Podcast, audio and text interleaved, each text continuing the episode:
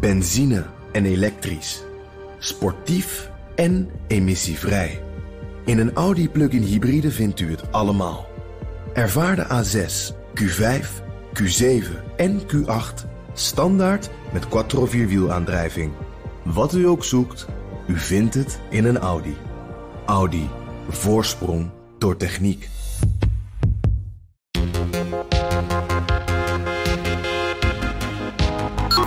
Ziet deze machtspelletjes eh, eh, wel in Rusland plaatsvinden. Gisteren de, de belangrijkste. Ja. Eh, je ziet daar zelfs een mars naar, naar Moskou plaatsvinden. Ego-spelletjes. En daar moeten we bij ons bij Defensie moeten we er ver van blijven. Het gaat er niet om wie er de belangrijkste is. Wie er het meeste geld krijgt. Hoe kunnen wij het effect zo best mogelijk bereiken met de beste middelen? Ja, dat is, je zegt, eh, dat, dat, die les hebben wij inmiddels geleerd, zou je kunnen zeggen. Maar de Russen leren ook. We moeten we ook niet onderschatten, die hebben dit ook weer gezien. En daarom mijn oproep inderdaad om de Rus niet te onderschatten in zijn lessensleuk. Wat leert hij op dit moment? En hoe snel leert hij? Hoe adaptief is hij? Want de technische middelen, die heeft hij.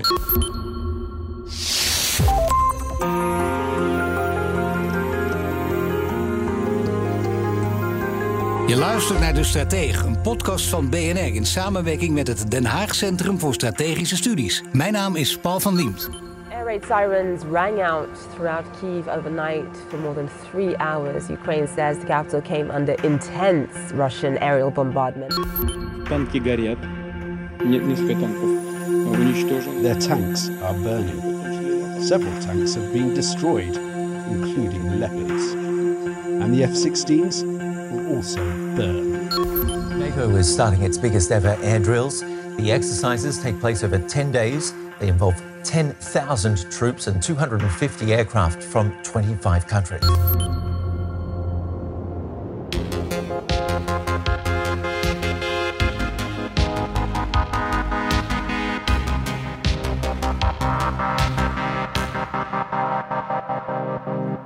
Van alleen Sovjet-luchtverdediging tot geavanceerde westerse luchtverdediging. Oekraïne boekt steeds meer successen met haar luchtafweer. Van de Russische luchtverdediging VKS werd meer verwacht, maar die bleef opvallend stil. Op dit moment is er sprake van een equilibrium in de lucht. Beide partijen staan tegenover elkaar, maar lijken niet de eerste te willen zijn om de strijd in de lucht aan te gaan. Waarom trekt de Russische grootmacht niet meer uit de kast? Is het afwachten van zowel Oekraïne als Rusland een systematische ontwikkeling of juist typisch voor deze oorlog?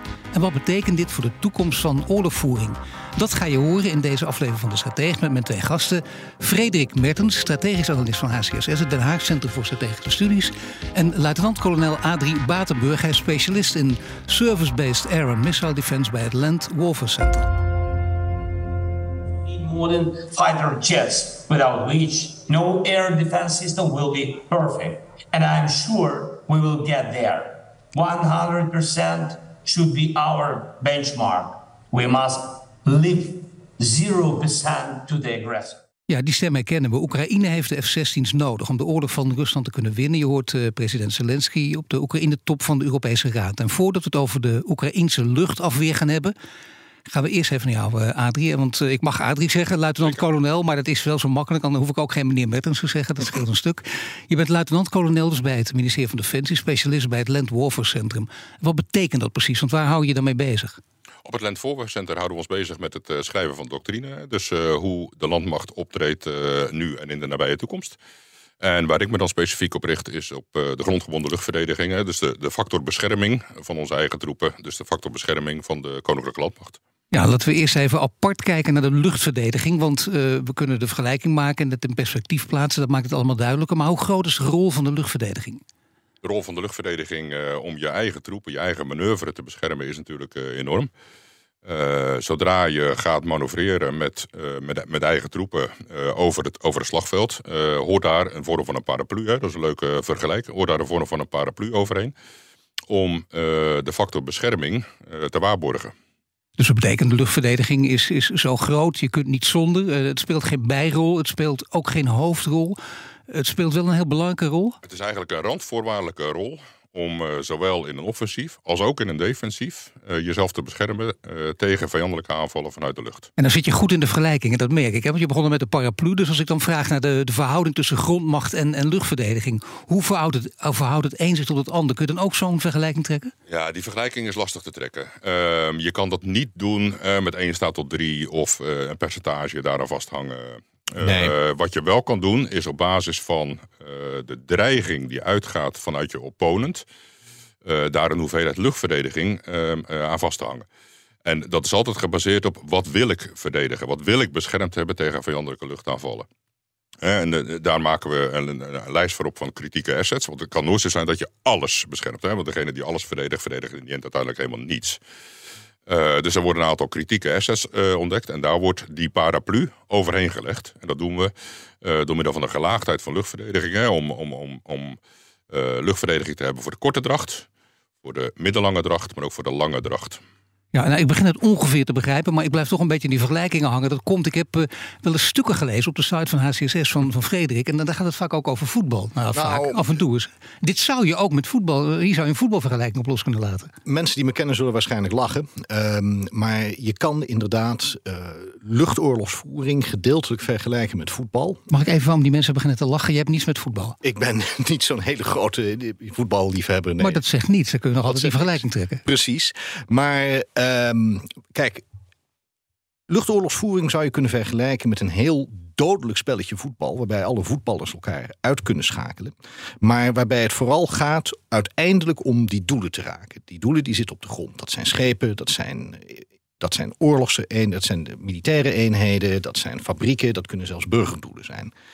En um, die doelen worden natuurlijk uitgeschakeld door de aanvallers en de middenvelders. Dat zijn de vliegtuigen. Dat zijn degenen die dus echt de schade moeten, moeten brokkenen. Ook die elkaar aanvallen. Dat zijn ook de, de sterren op het veld. Dat zijn de sterren op het veld. En veel minder vaak gezien, maar niet minder essentieel. En nou in deze oorlog heel erg essentieel. Dat zijn de verdedigers. De verdedigers en de keepers die moeten zorgen dat als die aanvallers door dat veld heen breken, die vijandelijke aanvallers, dat je in staat bent om toch nog gewoon jezelf te verdedigen. En die ook ervoor moeten zorgen dat als jouw troepen aanvallen, dat die zich ook kunnen verdedigen tegen die aanvallers. Ja, ik kijk even naar de overkant of die vergelijking opgaat.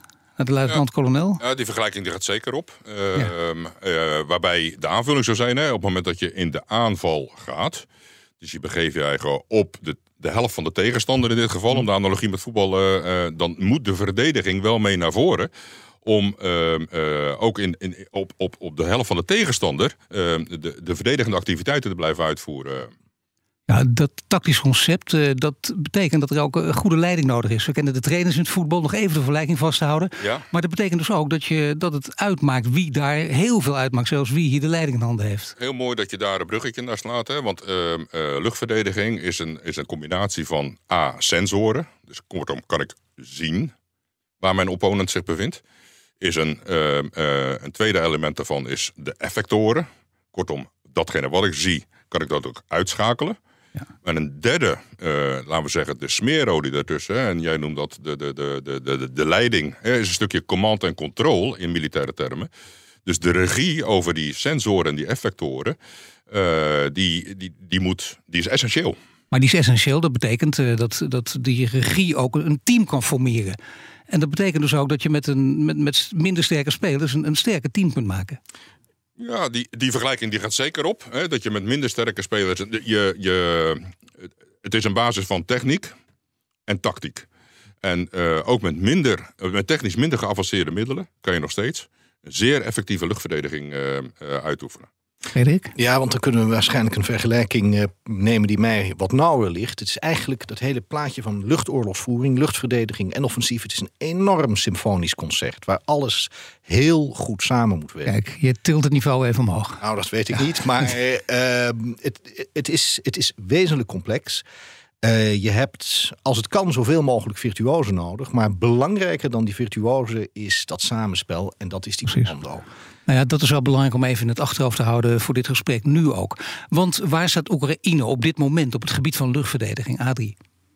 Ja, als we kijken naar de Oekraïne, dan zien we uh, dat uh, aan het begin van de oorlog uh, de Oekraïne het met name gedaan heeft met de technische middelen zoals die nog uit de Sovjet-tijd, uit de Russische tijd stamden. Uh, maar zodra de oorlog een aanvang uh, nam, en we zijn dan uh, vanuit het Westen zijn we Oekraïne gaan supporten met meer westerse middelen. En je ziet dat de Oekraïense luchtverdediging op dit moment enorm effectief is. Maar het, het leuk om te zien is, het interessant om te zien is, is dat de Oekraïense luchtverdediging ook beren effectief was met alleen Russische middelen. Ja. Uh, en in die zin interessant om daarbij op te merken. Die zwakke dat, Russische middelen mag je zeggen. Nou, ik zou dat niet zozeer zwakke Russische middelen noemen. Nou ja, nee, nee niet zwak. Nee, nee, daar ben ik niet met je eens. Maar goed, niet oud. zwak, maar nou oud. Sommige, sommige middelen zijn oud of verouderd. Maar sommige middelen die wij hebben geleverd vanuit het Westen aan de Oekraïne zijn ook oud of verouderd. Ja, dat is waar. Pak, ja. pak onze de, de Gepards of de Stingers. Ook dat is al een enkele decennia oud. Maar als je dat effectief weet in te zetten en tactisch slim weet in te zetten, dat is met name wat de Oekraïne in het beginstadium van de oorlog gedaan heeft met de, wat jij dan noemt, de, de oudere Russische middelen, door het slim en effectief op een, slimme tactische manier in te zetten, ja. heeft men de eerste dagen, de eerste weken van de oorlog kunnen overleven. Nee, maar daarom is goed dat je dit even zegt, want daar ben ik zelf ook een beetje in verwarring doorgebracht. En wat je in heel veel publicaties uh, wat geringschattend dan hoort praten over die middelen. En het is omdat de Oekraïners het zo geweldig hebben ingezet, maar die middelen van die Russen stellen helemaal niets voor. Dat is dus ook niet waar. En dat, nee, dat wil ik absoluut uit de weg ruimen. Dat ja. Russische middelen, uh, dat die uh, outdated zouden zijn, verouderd zouden zijn, niet effectief zouden zijn. Dat moet, dat, dat moeten we uit de weg ruimen. Dat zijn zeer effectieve middelen. Uh, mits ze op een tactische wijze slim worden ingezet. En dat de regie, de command en control noemen we dat in de defensietermen, daarover um, effectief wordt inge, ingeregeld. Nou hebben we al een, uh, dat is logisch, dat hadden we ook bij de financiële crisis. We natuurlijk, nu natuurlijk ook heel veel uh, taal, jargon die geëigend is uh, voor het onderwerp waar we over praten. bijvoorbeeld de term mutual air denial. En die wordt dan ook voor het gemak vaak gezien als er gebeurt eigenlijk heel weinig. Nou, er gebeurt natuurlijk heel veel. Um, Rusland heeft aan het begin echt geprobeerd om luchtoverwicht te bevechten. En in de eerste dagen zijn ze zelfs bijna daarin geslaagd. Dat lijken we nou te vergeten. Was het, was het een vorm van overschatting of niet van de Russen? Van de Russen was het een vorm van overschatting. Maar daarnaast hebben ze ook een paar fundamentele fouten gemaakt. Kijk, als we het hebben over de Russische luchtverdedigingssystemen. We zouden hebben verwacht dat ze iets minder efficiënt waren geweest tegen de Russen dan ze zijn. Omdat de Russen ze van haver tot gort zouden moeten kennen. Ze hebben ze zelf, ze hebben ze zelf gebouwd. Ze zouden al de zwakheden moeten kennen. In de eerste dagen van de oorlog hebben ze massaal geprobeerd die luchtverdedigingssystemen uit te schakelen. Ze zijn ook vrij effectief geweest. Vooral hun elektronische oorlogsvoering is heel effectief geweest. Alleen toen zaten ze met het probleem dat hun elektronische oorlogsvoering ook hun communicatie verstoorde. Ja. Dus moesten ze de keuze maken: willen wij kunnen praten met onze eenheden of willen wij die luchtverdediging nog kunnen storen? Toen hebben ze gekozen, die elektronische oorlogsvoering gaat uit. Wij moeten kunnen communiceren. Ja. Um, onze luchtmacht moet trouwens ook zijn prioriteit verleggen. Te vroeg van het aanvallen van die luchtverdedigingssystemen naar het steunen van het Russische leger. Dat heeft de Oekraïense luchtverdediging de tijd gegeven om zich weer te herstellen van die eerste klap. En daarna hebben ze het meesterlijk gedaan. Goed, maar daarna, daar slaat die term dus op, mutual air denial. De, het, wat we zien is dat in tegenstelling tot wat we van tevoren verwacht hadden en wat we op basis van de krachtverhoudingen eigenlijk zo hadden ingeschat, is dat de Russen dus niet in staat zijn geweest om luchtoverwicht te bevechten. En in ieder geval de Oekraïnse luchtverdediging voldoende te onderdrukken om met acceptabele verliezen luchtsteun te kunnen geven. Ja. Uh, we moeten altijd, we hebben het hier nooit over absolute. Er zullen altijd verliezen zijn aan allebei de kanten. En dat de Oekraïense luchtmacht is zelf gewoon te zwak. Ze hebben gewoon niet de aantallen en ook niet de technologie. Wel de, wel de ballen, maar niet. Nee, begrijp het. Nee, dat is de situatie. En dat, dat is ook de, de, korte geschiedenis. Opvallend ook om te zien dat beide landen dan geen gevechtsvliegtuigen over dat vijandelijke gebied sturen. Kunnen we dat wel verwachten als die F-16's in, in Oekraïne komen, Adrie Batenburg? Ja, dat is, dat, dat, is een hele goede vraag. Um, Eindelijk, hè? We, zijn, net, we zijn al tien minuten bezig, het werd tijd. Er zit twee keer een als in. Ja. Uh, mm -hmm. uh, de als dat, die gaat in oorlogvoering uh, niet altijd op. En ik kan ook niet... Ik, ik zou ook niet willen praten over de rol van het luchtwapen. Hè, want ik zit hier als expert op het gebied van grondgemonde luchtverdediging. Uh, maar dat er een effect uitgaat van het hebben van de F-16's boven het slagveld, uh, dat is een ding wat zeker is. En het effect van hebben van meer assets om vanuit de lucht te kunnen inzetten, dat is absoluut een, een, ding wat zeker is. Als we praten over ehm, luchtverdediging, over mutual aerial denial, hè, dan wil je Ja. ehm, eh, de ander de toegang tot jouw luchtruim ontzeggen. En we zien dat eh, in heel veel oorlogen. En we zien ook in heel veel oorlogen zie je dat als eerste eh, bevochten worden. En dan zie je het ook dat het aan beide kanten gebeurt. Want dat is natuurlijk mutual. Je ziet ook dat het aan beide kanten gebeurt. Hè. Moment dat eh, de oorlog in Oekraïne begon, is het eerste wat we in NATO-verband verband gedaan hebben. Is onze luchtverdediging ontplooien. Nederlandse Patriots in de richting van Slowakije. Duitse Ja. Patriots staan opgesteld in Polen. Amerikaanse Patriots staan opgesteld in Polen. Dus je begint direct met het inrichten van je luchtverdediging. Ten einde te voorkomen dat je opponent eh, vrijheid van handelen heeft in jouw luchtruim. Tuurlijk, opvallend wel. Daar hadden we het net over. Dat enorme potentieel van die Russen. Daar moeten we toch nog even over hebben, Frederik. Want eh, de aantallen zijn ook van belang. Het begin van de oorlog had je 350 Russische gevechtsvliegtuigen. Oekraïne die moest het eh, tegen hen opnemen met 120 gevechtsvliegtuigen. Dat is ook een aantal een enorm verschil. En toen, je hebt ook een beetje aangegeven wat de reden is dat, dat Oekraïne dat kon doen. Maar dat verschil, als je dat naast elkaar zet, dan denk je, jee, wat gek. Wat gek dat Rusland de potentie niet heeft laten zien. Zit er ook nog een, een, een tactiek achter of is het gewoon onvermogen geweest? Nou, de Russische luchtmacht, eh, het offensieve vermogen van de Russische luchtmacht. En ik moet wel even stellen dat defensief eh, Oekraïne een heel groot probleem heeft voor het moment met de Russische jachtvliegtuigen. Omdat die vanuit, die zijn technisch superieur. En die hebben een heleboel voordelen, Ja. naast ook hun aantallen. Maar dus het offensieve vermogen van die Russische luchtmacht is eigenlijk, blijkt vrij beperkt, omdat zij dat concert wat nodig is, dat symfonische concert, kunnen ze niet ontwikkelen. Ehm, zij zijn niet in staat om grote hoeveelheden verschillende vliegtuigen met verschillende taken op een efficiënte manier met elkaar te laten Maar het belangrijkste is toch, eh, daar heb je heel veel oefening, eh, misschien wel training voor nodig. En eh, nou had je toevallig ook afgelopen week het einde van die NAVO-training. Dat betekent, de Russen zullen nog meer op hun hoede zijn. Misschien nog angstiger worden nu, of niet? Nou, De Russen zijn zichzelf natuurlijk heel erg bewust van het potentieel van de NAVO-luchtmacht. Dat is iets waar Ja. de Sovjet-Unie zich altijd enorm van bewust was. Ja. Daar is iets wat Rusland, dat heeft het zich altijd heel goed eh, beseft.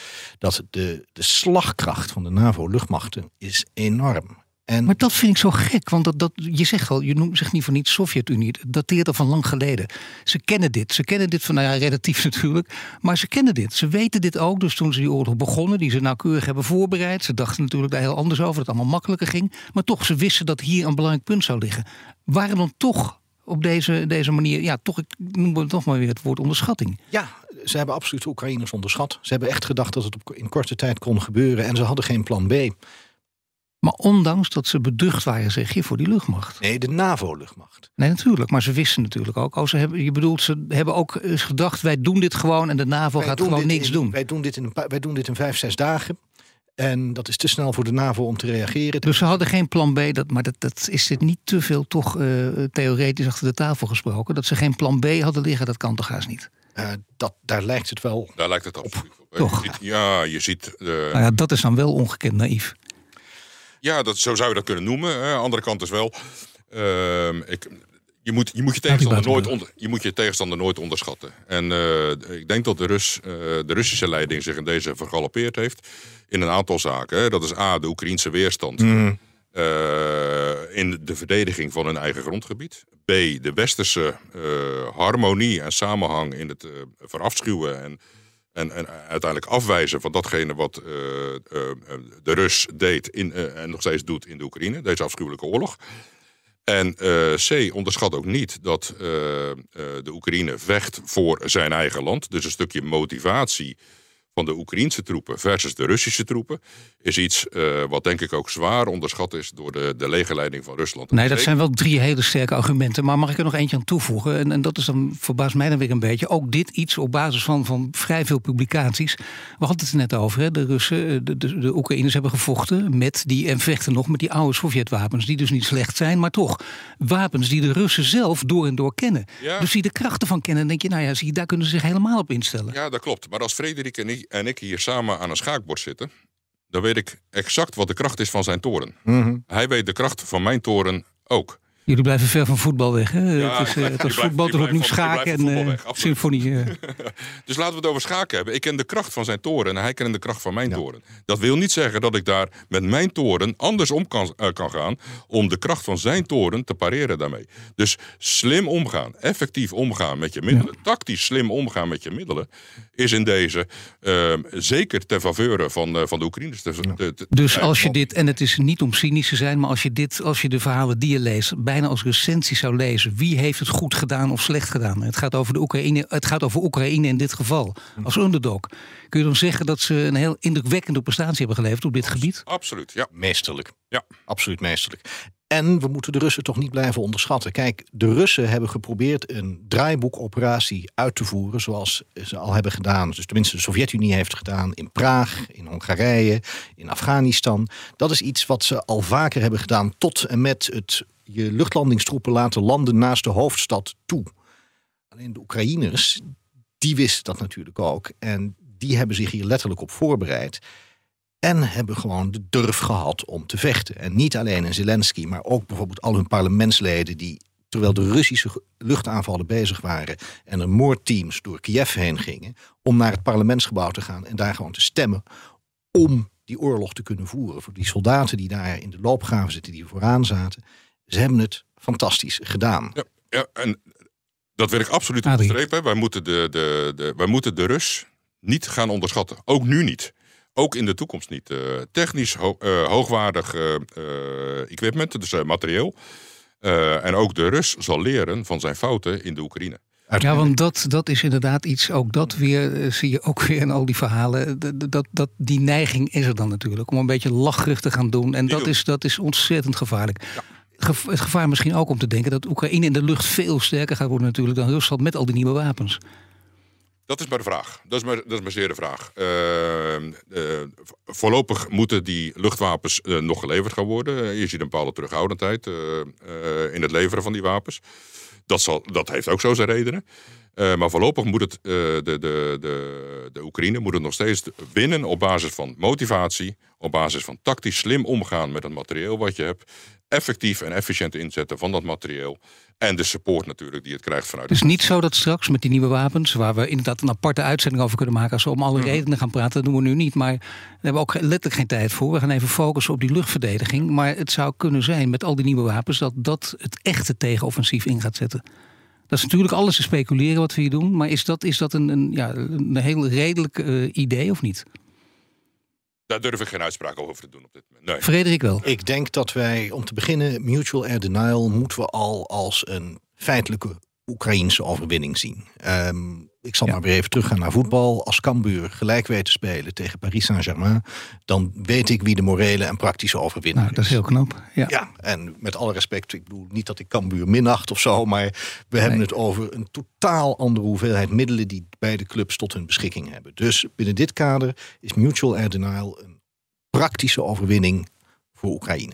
In dit kader wil het zeggen ook typerend voor deze oorlog. Want dat zei ik in het begin ook, hè, mijn, intro. Is het in, typerend voor deze oorlog of is het een eh, systematische ontwikkeling? Dat is een grote vraag. Ehm, heeft dit nou te maken met dus die zwakheden van de Russen? Qua dus in, het niet goed dat hele concert kunnen gebruiken en technische fouten? Of zegt dit iets over hoe luchtmacht en grondverdediging zich tegenover elkaar... Maar ik denk dat jullie dat toch met je kennis van zaken, opgebouwd in de loop der jaren op meerdere terreinen, dat je dat kunt zien. Dat je dat kun je toch analyseren? Jawel, dat kan je ook prima analyseren. Ehm, ehm, de, de vraag is of dit eh, voor de toekomstige oorlog ook zal vechten. Als je kijkt naar het verleden, dan zie je dat bijna alle oorlogen in eerste instantie gevochten worden eh, in of vanuit of rondom eh, het domein lucht. Ja. Eh, want wie het luchtruim beheert of beheerst boven de andere grondgebied, daar vrijheid van handelen heeft, is enorm in het voordeel om eh, support te leveren aan zijn grondtroepen, dan wel effectief in de diepte een, het gevecht te kunnen voeren. Dus is dit nu typisch iets voor Oekraïne dat er gevochten wordt om het luchtruim? Ik denk het niet.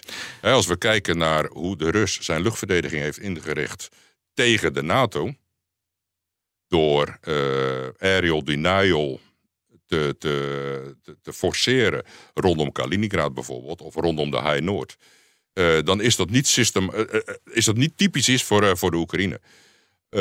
Ik, ik, benoemde net al dat zodra de NATO eensgezind optreedt. Uh, uh, op het moment dat Rusland Oekraïne binnenvalt, zie je het eerste wat we doen is het ontplooien van onze luchtverdedigingsmiddelen. Het zij als luchtwapen, luchtverdedigingsmiddelen. Het zij als grondgebonden luchtverdedigingsmiddelen met onze Patriots langs de oostgrens. Kun je op basis hiervan ook iets zeggen dan over de toekomst, de westerse toekomst van, van het luchtverdedigingsproces? Dat luchtverdediging misschien nog wel belangrijker gaat worden dan dat het in het verleden al was. Frederik. Absoluut. En tegelijkertijd denk ik dat we hier dat, het, dat de Russische zwakheden en de Oekraïense, het goede Oekraïense gebruik van zijn luchtverdediging toch wel ons de vraag moeten stellen van wat kan luchtmacht er wel aan doen? En als ik bijvoorbeeld kijk naar de capaciteiten die nou in NAVO-luchtmachten ontwikkeld worden, Ehm, neem vliegtuigen als de F-35 en de net door de Nederlanders ook aangeschafte het Advanced Anti-Radiation Missiles, dus hele geavanceerde anti-radarraketten. En die in een geïntegreerd concert inzetten. En dat dan ook nog eens een keer integreren met landmiddelen, zoals door het land afgeschoten, raketten die worden afgeschoten, bijvoorbeeld door het pulssysteem wat we hebben aangeschaft. Dan zou je voldoende gevechtskracht moeten kunnen ontwikkelen om die luchtverdedigingsmiddelen te onderdrukken. Maar het is, dan gaat het, zou, zou het gaan om, om, een geweldig evenwicht bijvoorbeeld tussen land- en luchtmacht. Er wordt natuurlijk eh, niks menselijks is ons vreemd. Als je bij de landmacht werkt ook, of bij de luchtmacht, dan, dan kijk je ook naar wat hier gebeurt. En denk je, wat zal er nabije de toekomst brengen? Gaat de luchtmacht overheersen ten koste dus ook van de landmacht? Of is dat, kun je dat gewoon niet zeggen? Het is, dat is lastig om te zeggen. Ik denk wel dat een van de voordelen die vliegtuigen altijd zullen hebben, is dat vliegtuigen ehm, als aanvallend middel zich kunnen concentreren op één plaats. En dat luchtverdediging, en dat bij luchtverdediging heb je altijd die vraag: wat verdedig ik en wat verdedig ik niet? En je luchtverdediging zul je altijd meer moeten verspreiden. En een, lucht, een aanvaller in de lucht heeft altijd het initiatief, dus zal zijn gevechtskracht goed op één plaats kunnen concentreren. Maar dat betekent dat de luchtmacht, eh, nogmaals op basis van de analyse die je nu kunt maken, meer op de voorgrond gaat treden of juist meer naar de achtergrond zal verdwijnen? Ik denk dat het, het, het is een fijne balans. Het is een balans die er altijd is geweest. Kijk, het, de grote vraag is ook vooral, is niet of ze er alleen doorkomen, maar hoeveel vliegtuigen worden neergeschoten bij het bereiken van de doelen van die luchtmacht. En is dat in verhouding tot wat je ermee bereikt? En in een echte high, of tenminste in een high intensity oorlog, alle oorlogen zijn echt, maar een hele een oorlog in de hoge intensiteit, kunnen dat zeer zware verliezen zijn. Ik bedoel, in de Tweede Wereldoorlog waren verliezen van 5% per, mis, per, dus per missie helemaal niet gek. Als jij, eh, zelfs met volledige air superiority, hadden de geallieerden een Typhoon Squadron, dus een jachtvliegtuig, jachtbommenwerper squadron, wat in Normandië begon uh, had eigenlijk niet één van zijn piloten meer over aan het, uh, aan het eind van de campagne. Ja. Omdat die verliezen gewoon heel hoog lagen. Het is een heel dodelijke vorm van oorlogsvoering. Ja, dat dan... zijn we een beetje verleerd in twintig jaren oorlog voeren zonder op, tegen tegenstanders, zonder luchtmacht en met verhoudingsgewijs geen luchtverdediging. Nou, je betekent wel letterlijk dat je kanonnenvoer bent. Je weet ook letterlijk dat je er waarschijnlijk niet levens van gaat afbrengen. Dat zou een reden kunnen zijn om te denken... de luchtmacht gaat misschien op dit gebied iets meer naar de achtergrond. Of is het gewoon echt geen sprake van? Nee, eh, ik denk ook dat uh, het, het, het, concert waar uh, Frederik net over begon... nog meer en nog uitgebreider zal worden. Maar we praten dan over joint, dus gezamenlijk krijgsmachtdelen inzetten. Of over multi-domain operations. Dat zijn termen die je heel vaak hoort in de, in, in de, in de huidige strategie. Maar wat betekent dat precies? dat we de effecten van meerdere domeinen... domeinen zijn bijvoorbeeld landmacht, luchtmacht, marine, space, cyber... Dat die effecten gezamenlijk in een soort van een orkestvorm uh, ervoor moeten zorgen dat de vijandelijke luchtverdediging of de vijandelijke troepen bestreden worden. Dus daar zit niet zozeer in een rol van de luchtmacht wordt belangrijker of de marine zal belangrijker worden of space wordt het domein van, waar van waaruit alles bevochten kan worden. Nee, het zal het concept zijn van die verschillende domeinen die ervoor moeten zorgen dat het effect bereikt wordt wat we uiteindelijk uh, op, uh, wat, waar we de vijand uh, willen aangrijpen. Nee, ik snap het. Ik merk alleen wel dat in veel media, ook internationale media, daar natuurlijk wel scherp op doorgeredeneerd wordt. En dat misschien is het ook een taak, of dat weet ik niet, of het is in ieder geval een rol die de media op zich nemen door te zeggen: het een gaat ten koste van het ander, of het een is sterker dan het ander. Anders lijkt het op polderen. Maar misschien is het dat ook wel. Ik bedoel, ik weet het niet. Want het is, je ziet de analyses naast elkaar heen lopen. Polderen klinkt te negatief. En ehm, het, het de een belangrijker noemen dan de ander, dat, dat, dat klinkt te progressief uh, in, mijn, uh, in mijn bewoordingen. Ik denk dat het, het gezamenlijk inzetten van deze middelen uh, zorgt uiteindelijk tot de beste strategie en het beste effect. Ja, maar goed, dat betekent dus, nee goed, maar je zult ook hier leiding moeten geven. Je hebt een beperkt budget altijd, hoeveel je ook hebt. Dus je zult dan moeten zeggen, waar gaat mijn meeste geld naartoe? Naar welke raketten, naar welke systemen, naar welke productie, naar land, lucht, eh, ruimte, noem maar op. En dat hangt natuurlijk ook een beetje ook met belangen, uh, hangt het allemaal samen. Dat hele spel wordt hier ook gespeeld. Dat is niet zo gek ook. Ik bedoel, dat gebeurt overal in de wereld. Gebeurt ook andere domeinen, dus hier zal het ook spelen, Frederik. Vanzelfsprekend, kijk, de knikkers zijn natuurlijk altijd belangrijk. En um, hoe land, lucht en zeemacht die knikkers verdelen, daar ga ik gelukkig niet over. Dus daar nee. nou ook geen uitspraak Adrie wel, die gaat er wel over. Die gaat er zo meteen een keiharde knoop door. Adrie die uh, die zit in de lastige positie dat hij uh, een van de medespelers is. En dat hij ook gewoon beleefd moet zijn over de andere spelers. En ook gewoon weet dat dit gewoon teamwerk is. Dat begrijp ik, maar dat teamwerk is wel een hele belangrijke denk om te benadrukken. We begonnen daar niet voor niets mee en we zien het inderdaad zo dat ik weer dan toch ik maar weer over voetbal, ik zal die al opnemen, Feyenoord ook, met een klein budget, relatief klein budget en toch kampioen worden vanwege dat enorme teamspel. En dat wordt door vriend en vijand gezien. En als je dat weet, dat betekent dus dat je dat ook hier zult moeten doen. Dat je eigenlijk een, een, een type leider nodig hebt aan, aan alle kanten, dat daartoe uh, ik kan, daartoe zeg maar uitgerust is en ook kan inzetten op dit teamspel. En die leiders zijn natuurlijk dun gezaaid, of niet? Ja, meer dan alleen de leiders, ook het hele systeem wat je erin hebt. Want de leiders zijn voor de individuele eenheden en voor het gehele leger van heel groot belang. Maar dat moet een systeem zijn wat op elkaar is ingewerkt, wat met elkaar kan praten en wat er heel veel in oefent. Ja, en die leiding, dat noemen wij bij, bij Defensie noemen we dat, hè, dat noemen we dat command en controle. Ik heb dat al een aantal keer ja. gezegd. Uh, en die moet, uh, die moet heel effectief zijn en die moet ook heel uh, voorbeeldig zijn in wat men wil bereiken. Eenheid van opvatting, eenheid van uitstraling, eenheid van uiteindelijk datgene wat je wil bereiken. Met jouw verschillende spelers op het veld. dat is enorm belangrijk. En... Ja, ik vind dit altijd van die geweldige uitspraak. Omdat het, dat, dat dacht ik vroeger toen ik jong was, had ik eerlijk zeggen, dat leek dan een soort uh, open deur. En nu denk ik, nee, het is eigenlijk de essentie. Ja. Het is precies wat het over gaat. Ja. Want je, heel moeilijk om dan op een gegeven moment in zo'n, op zo'n moment ook het ego terug te kunnen laten lopen. De adrenaline, dat mag allemaal niet spelen. De kop koel houden, hoe dan ook. En je ziet deze machtspelletjes uh, uh, wel in Rusland plaatsvinden. Wie -hmm. is er de, de belangrijkste? Ja. Uh, je ziet daar zelfs een, een, een, mars naar, naar Moskou plaatsvinden. Ego-spelletjes. En uh, daar moeten we bij ons bij Defensie moeten we er ver van blijven. Het gaat er niet om wie er de belangrijkste is, of wie er het meeste geld krijgt. Hoe kunnen wij het effect zo best mogelijk bereiken met de beste middelen? Nou ja, dat is, je zegt, dat, dat, die les hebben wij inmiddels geleerd, zou je kunnen zeggen. Maar de Russen leren ook. We moeten we ook niet onderschatten, die hebben dit ook weer gezien. En daarom mijn oproep inderdaad om de Rus niet te onderschatten in zijn lessons learned. Wat leert hij op dit moment? En hoe snel leert hij? Hoe adaptief is hij? Want de technische middelen, die heeft hij.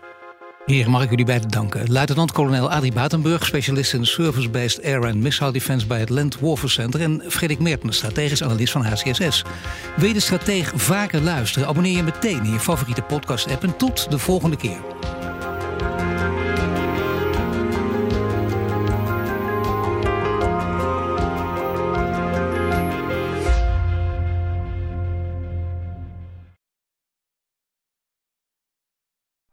Benzine en elektrisch. Sportief en emissievrij. In een Audi plug-in hybride vindt u het allemaal. Ervaar de A6, Q5, Q7 en Q8 standaard met quattro vierwielaandrijving. Wat u ook zoekt, u vindt het in een Audi. Audi. Voorsprong door techniek.